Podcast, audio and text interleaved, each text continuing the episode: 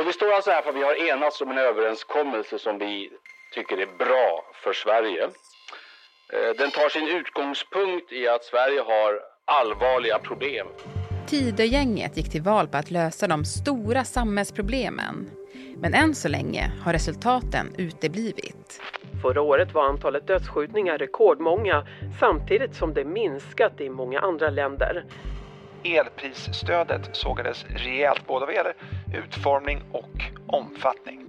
Så hur mår egentligen regeringen veckan innan sommarlovet börjar på allvar? På en kvart får du veta vad tidigare statsministrar lyckats med men som Kristersson ännu inte fått till. Och sen kom ju 2006 valseger. Ta-na-na-na-na. Och sen tror jag, finanskris, det var många som tyckte det var jobbigt men mm. jag och Anders Borg hade det bra. Och sen... Det är onsdag den 28 juni. Det här är Dagens Story från Svenska Dagbladet med mig, Alexandra Karlsson och idag med Erik Hedtjärn, politikchef på SvD.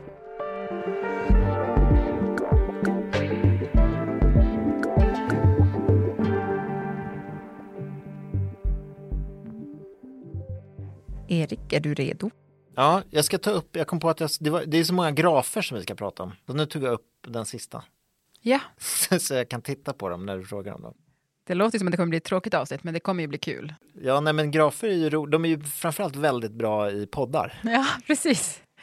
Eh, men du Erik, eh, när det här avsnittet släpps, då kommer du vara i Almedalen. Mm, då är jag på Gotland, mm. i Visby. Ja, är du pepp?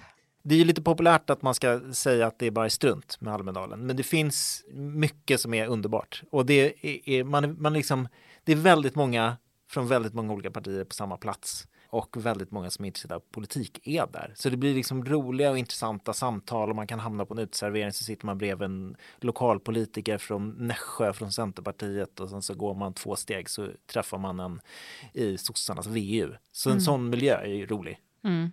Du behöver aldrig be om ursäkt där för att du är lite nördig i politik. Jaha, visste inte att jag var det, men okej. Okay.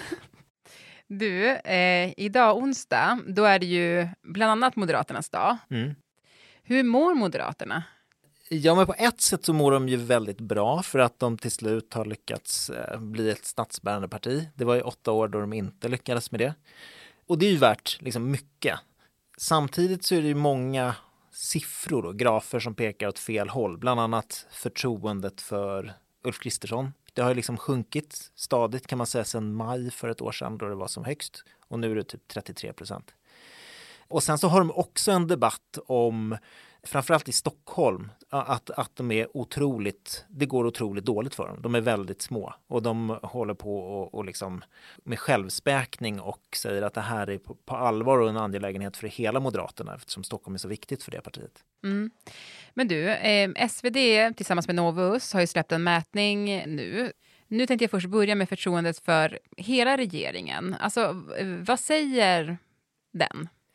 Ja, men man kan säga att sen valet så har liksom andelen som, tyck, som, som inte har förtroende för regeringen som helhet, det har ju ökat och är större än de som har förtroende för regeringen. Så det var ett skifte efter, efter valet. Och sen så kan man också se, det finns, det finns liksom två sådana där grafer som liksom är lite syskon. Den andra är så här, går utvecklingen i Sverige åt rätt håll? Och den visar ju på att folk tycker inte att det går, alltså det är fler som tycker att Sverige är på väg åt fel håll än som tycker att Sverige är på väg åt rätt håll. Mm. Det måste ju vara jättebesvärande för regeringen, för de var ju väldigt inne på det också ja, men i valrörelsen, att, att sossarna har kört Sverige åt helt fel håll och nu ska vi vända på skutan. Ja, på ett sätt. Och samtidigt så var det intressant i valrörelsen för att det var ju lite som att man höll på och skademinimerade redan innan man hade vunnit valet och sa att det här kommer ta, problemen är stora och det kommer bli, de är så stora så det kommer till och med bli svårt att vända de här på Ja, då, då Kristersson pratar ju om decennier när det gäller det här med kriminaliteten. Ja, när det gäller energifrågan, då har de ju kanske haft lite för så här, lovat att det ska gå snabbare än vad det har kunnat gå eh, när det gäller elstöd, det är en sån sak som, som de inte har levererat i den tid och på det sätt som de hade sagt från början. Mm. Det här du var inne på då, att, att väljarna också tappar förtroende för, för Ulf Kristersson. Alltså varför gillar folk inte honom?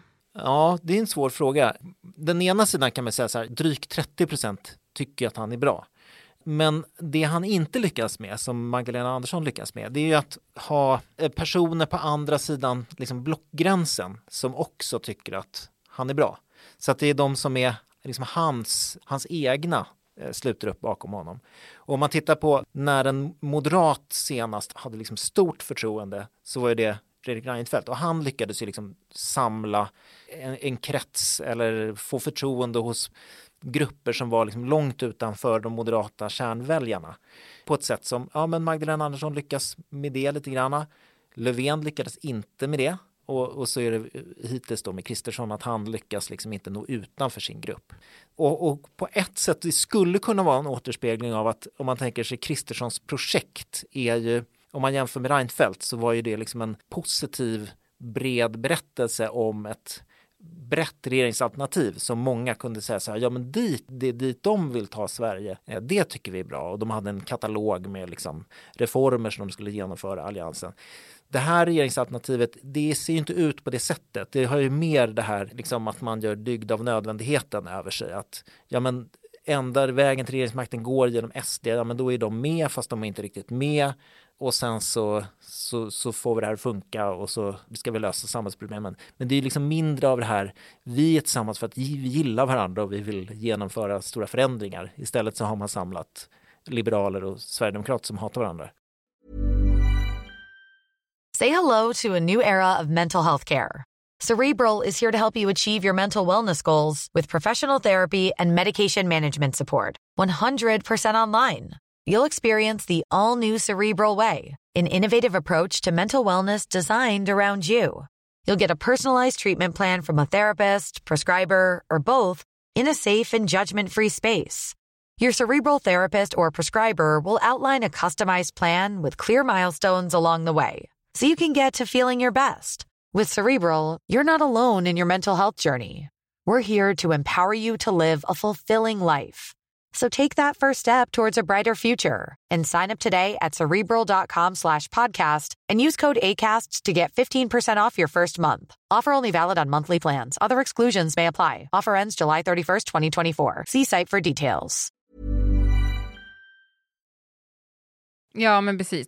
Alliansen hade ju en, en, de var ju otroligt glada i varandra, där mm. i början i alla fall. Ja, även där när de hade sin kick-off på slutet så var det med, om du minns den? Nej, jag minns inte. Kom igen Alliansen. Ja, men just det, just det. det har bränt fast i mitt mm. minne nu när du säger det. Jag ser Lena att det rycker i benen och jag ser Beatrice. Det är härligt att ni visar sån glädje. Det var den här dansen framförallt som man inte ens kan beskriva med ord nästan. Nej. Ja, men man får det som fysisk reaktion. Ja. Beatrice ställer sig upp och hon älskar disco och ni som älskar disco, ställ er upp! Men du, eh, en annan sak eh, ni har kollat på, eller bett Novus kolla på, det är ju om synen på Sverigedemokraterna har förändrats sen de fick inflytande. Ja, men vi tyckte att 2021 så gjorde Novus en sån undersökning tillsammans med Fokus tror jag det var, när man frågade om man uppfattade Sverigedemokraterna som att de var ett rasistiskt parti. Och sen har det funnits liksom en idé, möjligen skulle det där förändras när de liksom är en del av regeringsunderlaget och eh, har släppts in i, i värmen på ett sätt. Ulf Kristersson för ett år sedan vid förra Almedalen så bad han nästan om ursäkt till Sverigedemokraterna och sa att vi har inte lyssnat på er på massa år när ni sa saker som ingen ville höra men ni hade rätt ungefär. Ja men har det där förändrat den synen på SD? Oftast så är, så, så är undersökningar intressanta när de har visat stora förändringar. Här är det lite intressant att det ser exakt likadant ut som för ja, nästan två år sedan. Då. Att det är, det är lika många som tycker ja men SD är ett rasistiskt parti. Eh, och jag tror att det är ungefär 50 procent som säger det. 40 procent säger nej. Så att det har liksom inte SD, bilden av SD har inte rehabiliterats av att eh, vara insläppta i en borgerlig värme. Nej, men går det att se någon skillnad där i hur borgerliga väljare ser på det då, kontra vänsterväljare? Jo, men det är en, verkligen en sån liksom eh, blockskiljande fråga. Så att om man tittar på Tidöpartierna, då är det 15 procent som säger ja, det är ett rasistiskt parti. Tittar man på de andra, oppositionen då, från Vänsterpartiet till Centerpartiet, då är det 84 procent som säger. Ja, oj, det var en väldigt stor skillnad. Ja, jättestor skillnad. Mm. Är det besvärande för Ulf Kristersson då, att den synen fortfarande finns som Sverigedemokraterna? Jag tror nog att det plåstret har de nog grivit av. Den förlusten är redan intecknad. Det är intressant för att vi frågade ju också om så här, tycker ni att SD ska vara med i en regering? Och där är det intressant att det är ganska många moderater som tycker det. Jag tror att det är 55 procent som tycker att SD borde vara med i regeringen och 35 procent tycker inte det. Så de är ju delade, men det är en ganska stor andel som ändå tycker att, att SD borde vara eh, ett regeringsparti. Mm. Det kanske kan skilja sig också jämfört med typ Liberalernas väljare, kanske har en annan ja, åsikt. och de är så små, så de, eller så få, så de kan man inte mäta på, på det här sättet. Nej, okej, okay, jag fattar. Eh, det har ju snart gått ett år då sedan vi hade val och förra året var jag i Almedalen så var det ju liksom valrörelse Almedalen.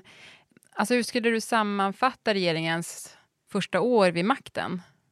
Det är ju inte riktigt ett år, men. Det är ju för första gången på väldigt länge som det är en, eh, en regering som samlar en majoritet bakom sig. Och det gör, ger ju dem en helt annan liksom, kraft och möjlighet att eh, lägga fram förslag. Och eh, det, det skulle jag säga märks på ett sätt. Att de eh, kan lägga fram ganska många förslag. Sen har de haft ganska svårt med vissa sådana här väldigt uppmärksammade saker som till exempel men som elstödet. Alltså det har varit besvärligt eller med första budgeten handlar ganska mycket om att eh, det skulle vara billigare att tanka som var en väldigt dyr liksom, reform eller skattesänkning och som i plånboken gjorde ganska liten skillnad. De, de har ju haft verkligheten på ett sätt emot sig. Alltså det här som vi var inne på i början. Det är många som uppfattar att Sverige inte går åt rätt håll eh, och bara eh, skjutningarna i, under midsommarhelgen är ju liksom ett tecken på väldigt konkret att den sortens nyheter kommer hela tiden. Och kopplar man igen till, till de här förtroendesiffrorna så kan man ju säga att det skulle ju kunna vara så att en sån här kris, en yttre kris som pågår skulle kunna samla samla människor bakom en ledare eller en regering. Och det verkar inte ha hänt nu. Say hello to a new era of mental health care. Cerebral is here to help you achieve your mental wellness goals with professional therapy and medication management support. 100% online. You'll experience the all new Cerebral Way, an innovative approach to mental wellness designed around you. You'll get a personalized treatment plan from a therapist, prescriber, or both in a safe and judgment free space.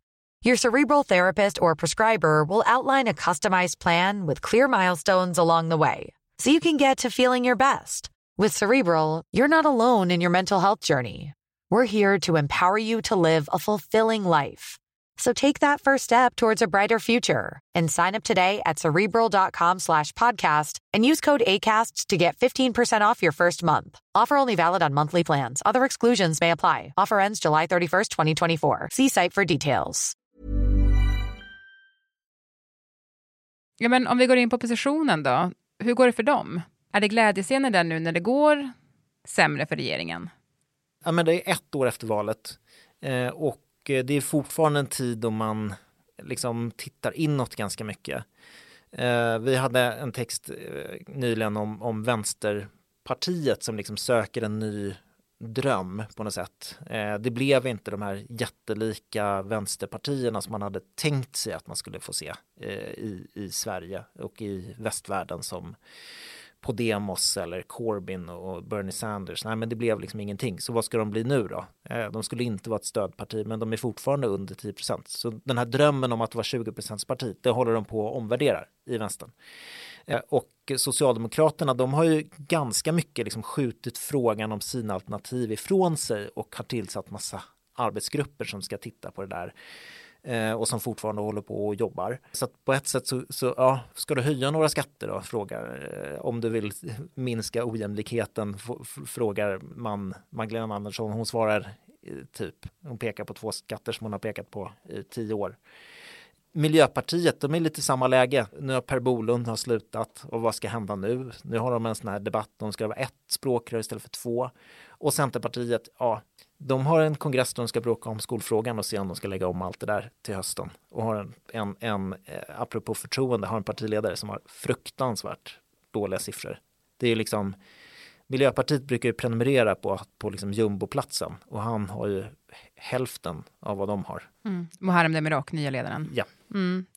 Är det, det väl Socialdemokraterna då som kan vara lyckliga över att Magdalena Andersson fortfarande har högt förtroende? Jo, men det är, väl, det är ju bra, men på ett sätt så, så har de ju inte riktigt Ingen har, har, har och har inte behövt visa riktigt var, på ett alternativ, för det är inte tid för det än. Det är liksom, ja men det är väl deras, eh, ja men lite lov är det ju ändå. Att man åker bort och, och funderar över någon sorts, kanske oppositionsretreat. Det är det som är nu, mm. första året. Och sen så nästa år, då, då kanske då kanske de kan vara glada eller ledsna för då har de liksom gjort mer. Mm, då börjar de politikutveckla, eller vi får se politiken. Ja, kanske. precis. Mm.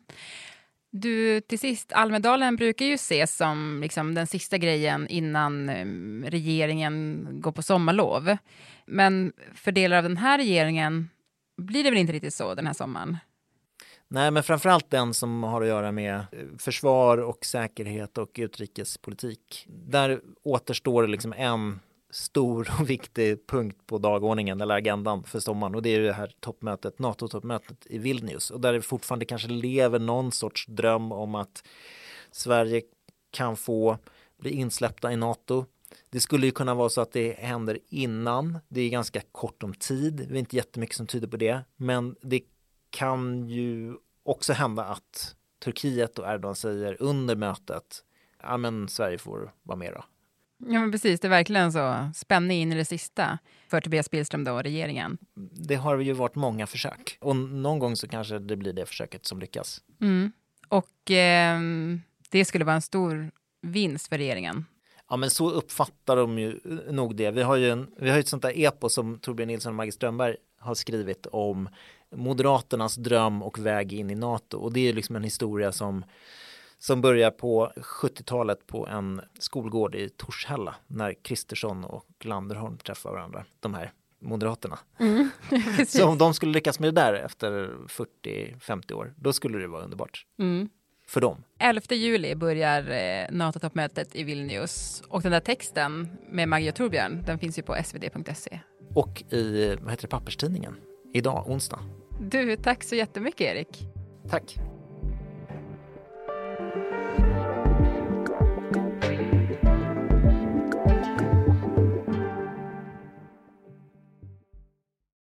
Programmet idag producerades av Moa Larsson, redaktör var Stina Fischer och jag heter Alexandra Karlsson. Vill du kontakta oss så mejla till dagensstory.svd.se. Och klippen i programmet kom från Helenius hörna och Aftonbladet.